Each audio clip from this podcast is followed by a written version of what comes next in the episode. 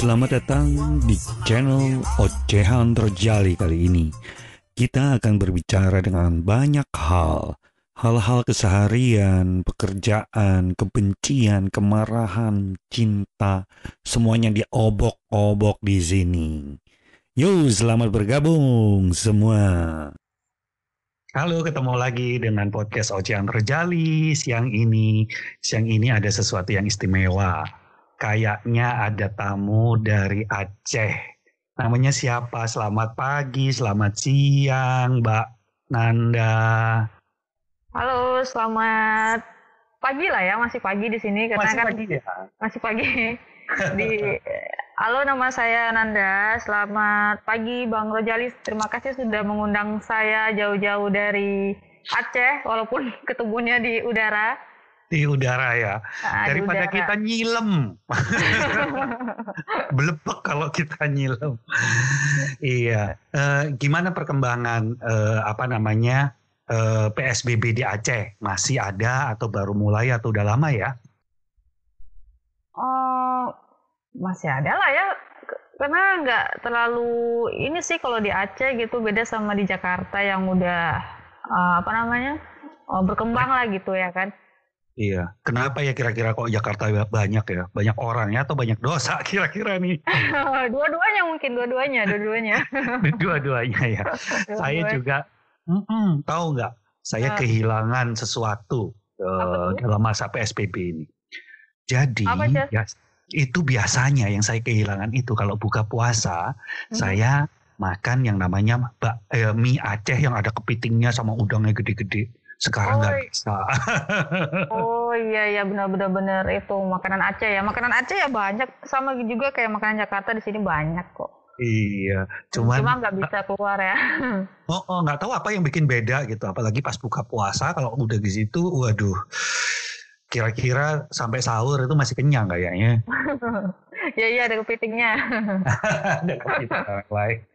Tanda, Tanda sekarang kegiatan sehari-harinya apa sih? Kalau aku sih kerja ya.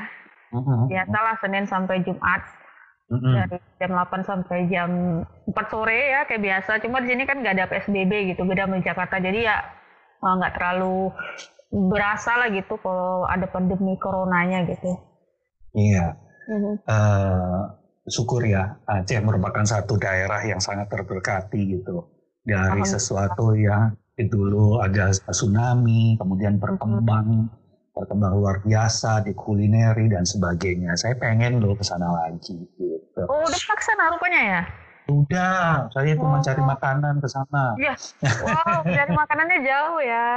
jauh, bedanya jauh. Oke, okay, ngomong-ngomong nih. uh, kita mau menghadapi lebaran nih kayaknya. Gimana persiapan lebaran di Aceh?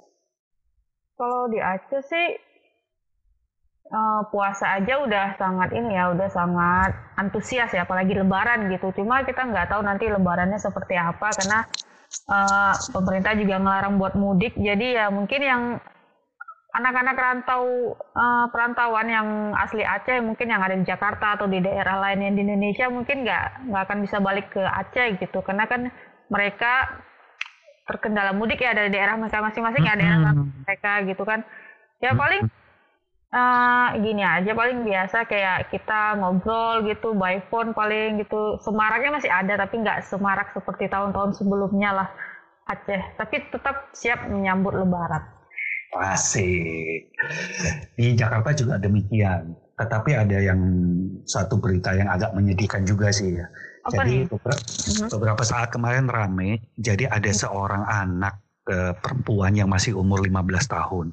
Uh -huh dia itu padahal ini waktu yang bagus sebetulnya untuk menyambut lebaran, orang berpuasa, tetapi seorang anak ini kayaknya galau banget deh. Dia melakukan pembunuhan kepada anak tetangganya yang masih umur lima tahun perempuan. Oh iya iya iya anak yang SMP ya cewek ya. Iya betul. Uh, kemudian mayatnya itu disimpan di lemari dia dan sebagainya. Dan ini sangat cukup mengagetkan ya, anak umur sekian, perempuan, anak itu antusias, aktif di Instagram dan sebagainya. Ya, ya, ya. Nah, uh, aku sempat dengar berita juga itu dia ngelapor sendiri ya ke polisi ya waktu itu ya kalau nggak salah ya. Betul. Dia, dia habis, uh, melakukan itu. Dan ternyata dia dalam keadaan hamil. Oh hamil ya? Iya, ya hamil tiga bulan. Dan hmm. itu akibat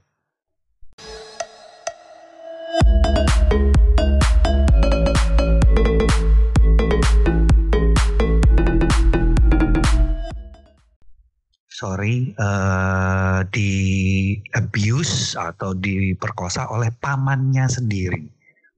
Oh gitu. Ada ya, dua orang pamannya yang melakukan itu dan kemudian pacarnya sehingga uh, itu hamil. Mm-hmm. Jadi mungkin kejadian ini bisa jadi perhatian kita semua ya. Jadi satu pelajaran kali ya. Iya. Yeah.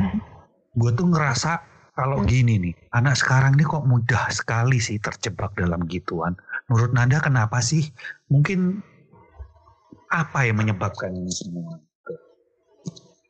Kalau menurut aku sih faktornya banyak ya, nggak hmm. cuma ini. Tapi yang paling yang paling sering dan ini kan bukan kasus yang pertama ya.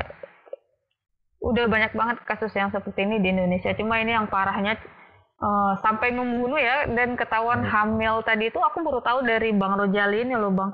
Aku nggak tahu kalau dia tuh hamil. Yang aku tahu kan dia habis ngebunuh anak tetangganya terus dia ngelapor ke polisi, polisi ya. Uh, dan kalau aku pikir pengaruh keluarga itu besar banget ya. Kita kan nggak tahu apa yang dialami sama dia di dalam rumahnya. Sampai-sampai mungkin dia bentuk pelampiasannya tadi saking bencinya tadi itu ya dia sampai ngebunuh uh, tetangganya gitu ya kan? Karena dia saking marahnya bingungnya nggak oh, tahu diarahkan ke siapa ya. Dia nggak tahu mau ngarahkan ke siapa dan dia nggak bisa ngungkapin apa yang dia alami gitu. Makanya mungkin yang pertama-tama waktu kejadian itu muncul kita taunya dia tuh kayak psikopat gitu ya bang mm-hmm. Uh, karena kan kita nggak tahu belakangannya ternyata dia hamil dan itu perbuatan dari pamannya ya. Kok sangat disayangkan ya anak perempuan, anak masih remaja, 15 masih, tahun. Oh, masih masih 15 tahun lah harus mengalami uh, ya perbuatan seperti itu yang sebenarnya sih mungkin dari sisi aku perempuan lebih ke kayak korbannya dia yang pertama jadi korban selanjutnya dia melampiaskannya ke orang lain lah ya yang itu tadi uh, anak tetangganya gitu ya kan. Mm-hmm. cuma ya miris ya miris miris hmm? miris loh sangat miris. Iya baca baca beritanya itu sampai uh, merinding gua. Bulu kuduk merinding kalah sambil nonton horor. Gitu ya. Iya beritanya ngalahin. Iya tapi kalau gue pikir sebenarnya kayak gini Nanda apa tuh sebenarnya kasus ini yep. membuat hmm. kita itu gue terutama itu jadi melek itu hmm. bahwa sebenarnya kita itu hidup dalam yep. lingkungan yang penuh judgement, penghakiman, memojokkan seperti itu. Misal contoh nih, gue yang udah kerja nih ya. Ketika pandemi ini terjadi, kemudian ketika kita nggak bisa membayar penuh terhadap pegawai, pegawai memojokkan dan ya ini ini hak mereka sih untuk seperti itu. Iya, iya. Kok digaji cuma separuh gitu ya? Iya. Sementara dari bidang usaha sendiri kita mau gimana lagi kalau kita nggak kurangi sedikit atau berapa porsinya, nggak akan terus.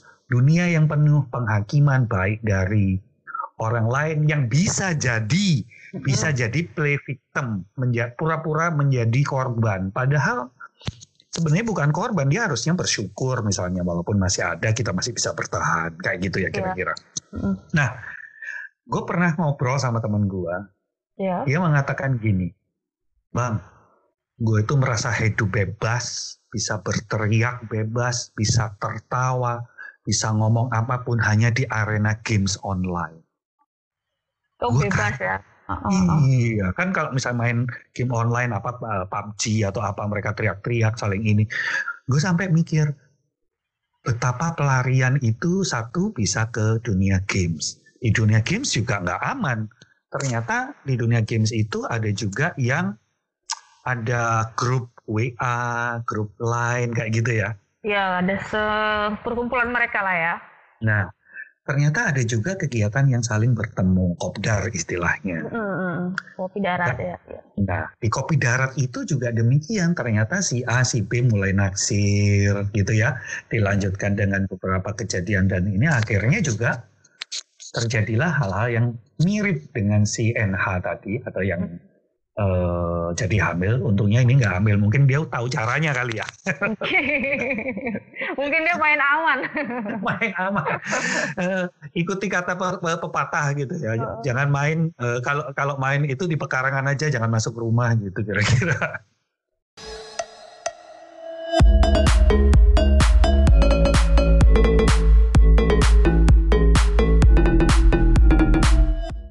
Ya, Itulah, seperti itulah gambaran ya. Jadi banyak sekali pelarian demi pelarian. Menurut Nanda nih, kondisi seperti ini, kalau kehidupan kita sebenarnya nggak jauh dari pelarian, bagaimana kita supaya bisa menemukan tempat pelarian yang positif kayak gitu gimana sih Nanda?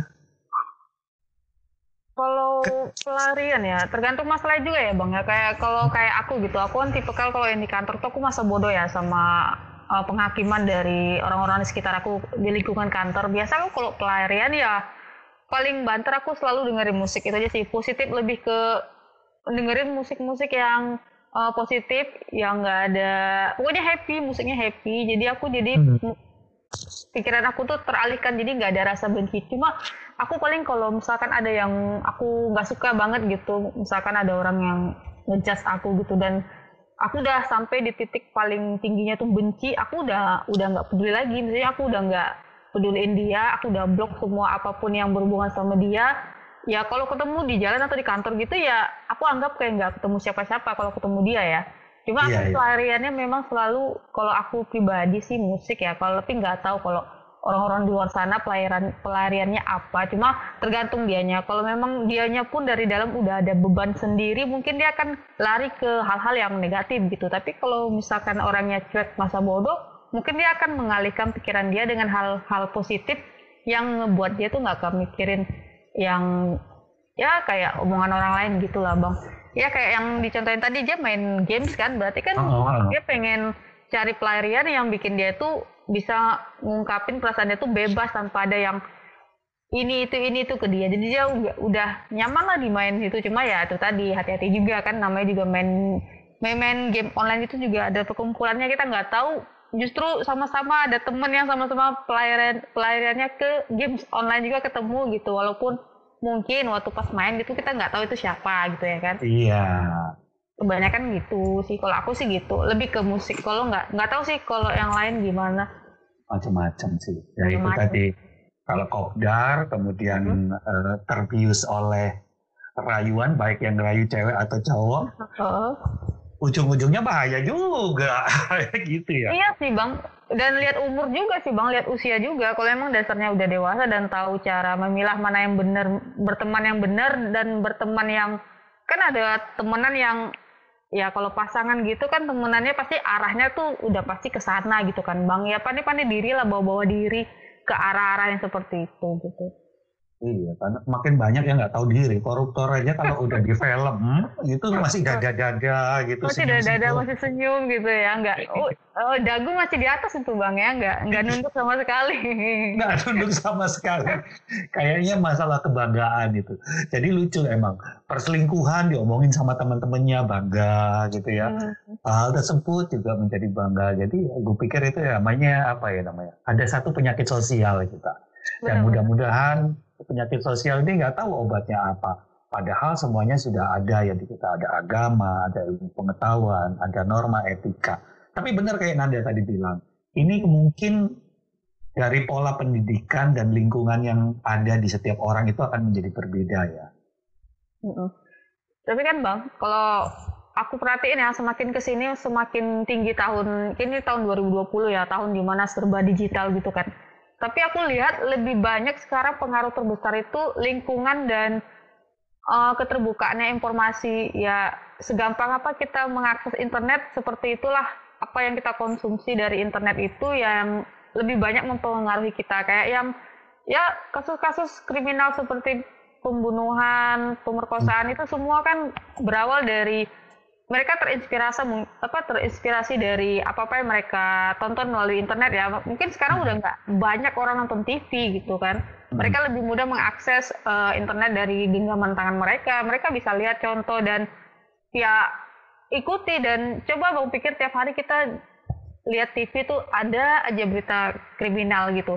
Yang pembunuhan ini dengan cara ini dengan cara itu. Bahkan cara pembunuhan di Indonesia itu beragam bang sekarang makin banyak caranya dan itu aku pikir segampang itu membunuh gitu setiap hari kayak nggak ada memang nggak ada perasaan lagi gitu buat ini gampang banget gitu kalau membunuh orang sekarang ya sakit hati mm -hmm. dikit udah selesaikan gitu ya kan ya mm -hmm. lebih ke ini sih bang uh, lingkungan nomor satu lingkungan dan apa yang mereka lihat di internet gitu.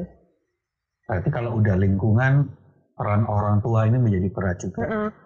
Mm -mm. Karena sekarang uh, kedekatan masing-masing anggota keluarga gitu antara ayah atau antara orang tua dan anak gitu kadang yang mungkin kalau memang dari kecil sudah dari sananya deket mungkin mereka akan terus di ngomong lah sama orang tuanya mm -hmm. gitu. Tapi ada ada kayak se nggak nggak banyak sih mungkin ya ada juga anak yang mungkin dari kecil udah nggak ter, terlalu dekat sama orang tuanya ya udah sekedar uh, pergi sekolah pulang main udah itu nggak ada interaksi di rumah gitu antara dia dan orang tuanya.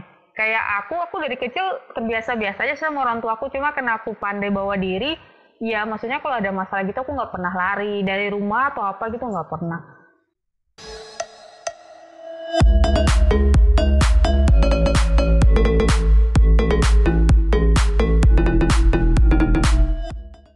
Lebih ke apa? Lebih ke ini aja sih bang. Uh, semakin dewasa kan kita semakin banyak yang kita peroleh ya pengalaman hidup tuh makin banyak kan dan apa-apa hal-hal positif yang kita saring ke diri kita itu pasti kita akan jadikan uh, pembelajaran buat diri kita gitu kan jadi ya mungkin tipikal anak-anak yang gampang rapuh terutama mereka yang nggak terlalu dekat sama keluarganya sama orang tuanya ya mungkin kalau digoyang sedikit mereka akan mudah terpengaruh sama hal-hal negatif gitu bang beda sama iya. anak-anak yang kalau memang dasarnya memang nggak deket sama orang tuanya tapi kalau dia bisa memilah dan memfilter apa yang dia dapat hal-hal negatif dari luar yang dia dapat dia bisa filter yang mungkin dia akan terus baik-baik aja gitu. Nggak akan menimbulkan masalah lah buat keluarganya gitu kan. Goyangannya nggak terlalu bahaya ya. Yang bahaya itu goyang TikTok gitu sekarang itu. Itu bahaya banget tuh bang. Waduh gila luar biasa itu. Nah itulah kira-kira aku lihat itu ya masih remaja, cantik, goyang TikTok itu apa yang di otaknya gitu ya bukan aku me, me, memikirkan yang buruk-buruk tapi iya. waduh kalau kayak gitu gimana nggak mengundang orang lain untuk berpikiran negatif juga oh, gitu loh. Tapi kan bang, sebagian uh, pengguna TikTok iya. rata-rata itu juga salah satu bentuk pelarian bang. Kita nggak tahu mungkin dia sehappy itu di tampilan TikTok mereka. Kita nggak tahu di balik TikTok mereka itu mereka seperti apa gitu ya kan? Iya, ternyata mereka peng, ternyata jangan-jangan gitu kan.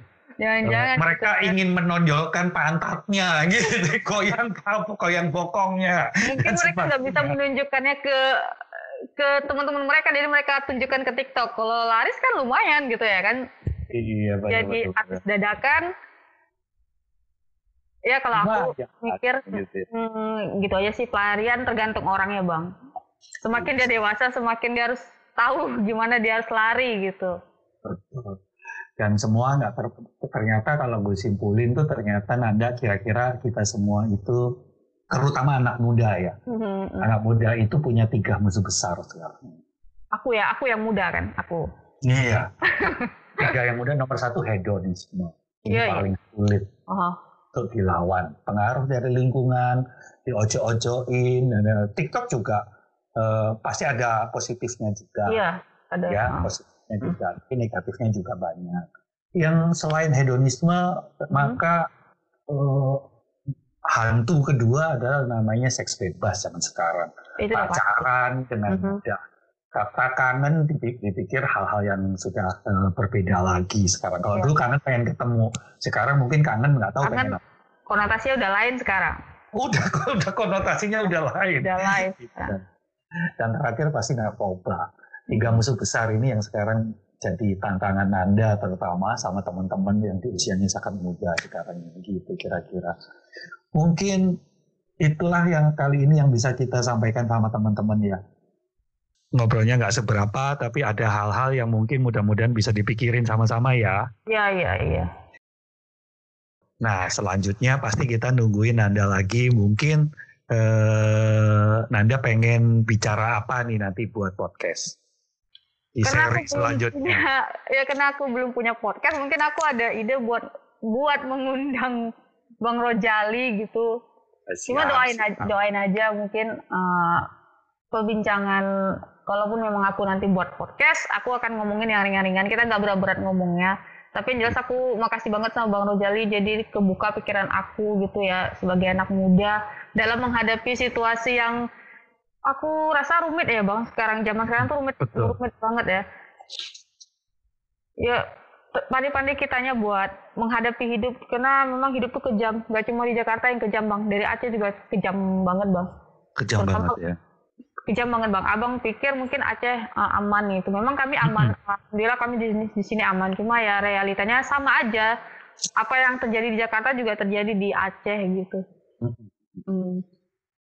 Kita punya penyakit sosial, kemudian kita punya tiga hantu besar tadi, tiga hantu dan besar. tiga hantu besar tuh yang satu hedonisme, dua uh, seks bebas, dan yang ketiga adalah narkoba. Itu jadi musuh yang sangat besar sekali sekarang. Ya. Oke, terima kasih. Uh, di seri selanjutnya kita ngomong sesuatu yang ringan ya. Boleh, boleh, boleh. Doain aja aku cepetan ada podcast, ntar aku ajak Bang Rojali deh untuk dananya. Makasih ada juga pesan, udah ngajak aku ya. Ada pesan terakhir nggak untuk teman-teman yang lain? Uh, buat teman-teman yang lain jangan lupa dengerin ocehan Rojali ya. Ocehan Rojali, ngoceh Ocehannya Bang Rojali jangan lupa didengerin, uh, terutama yang uh, sesi yang hari ini.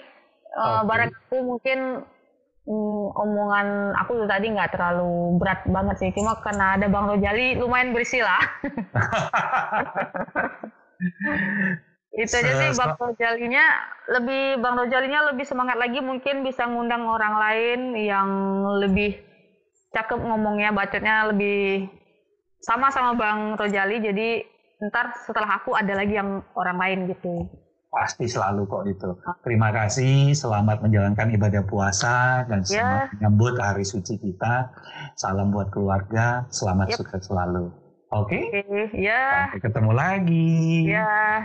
Assalamualaikum. Salam.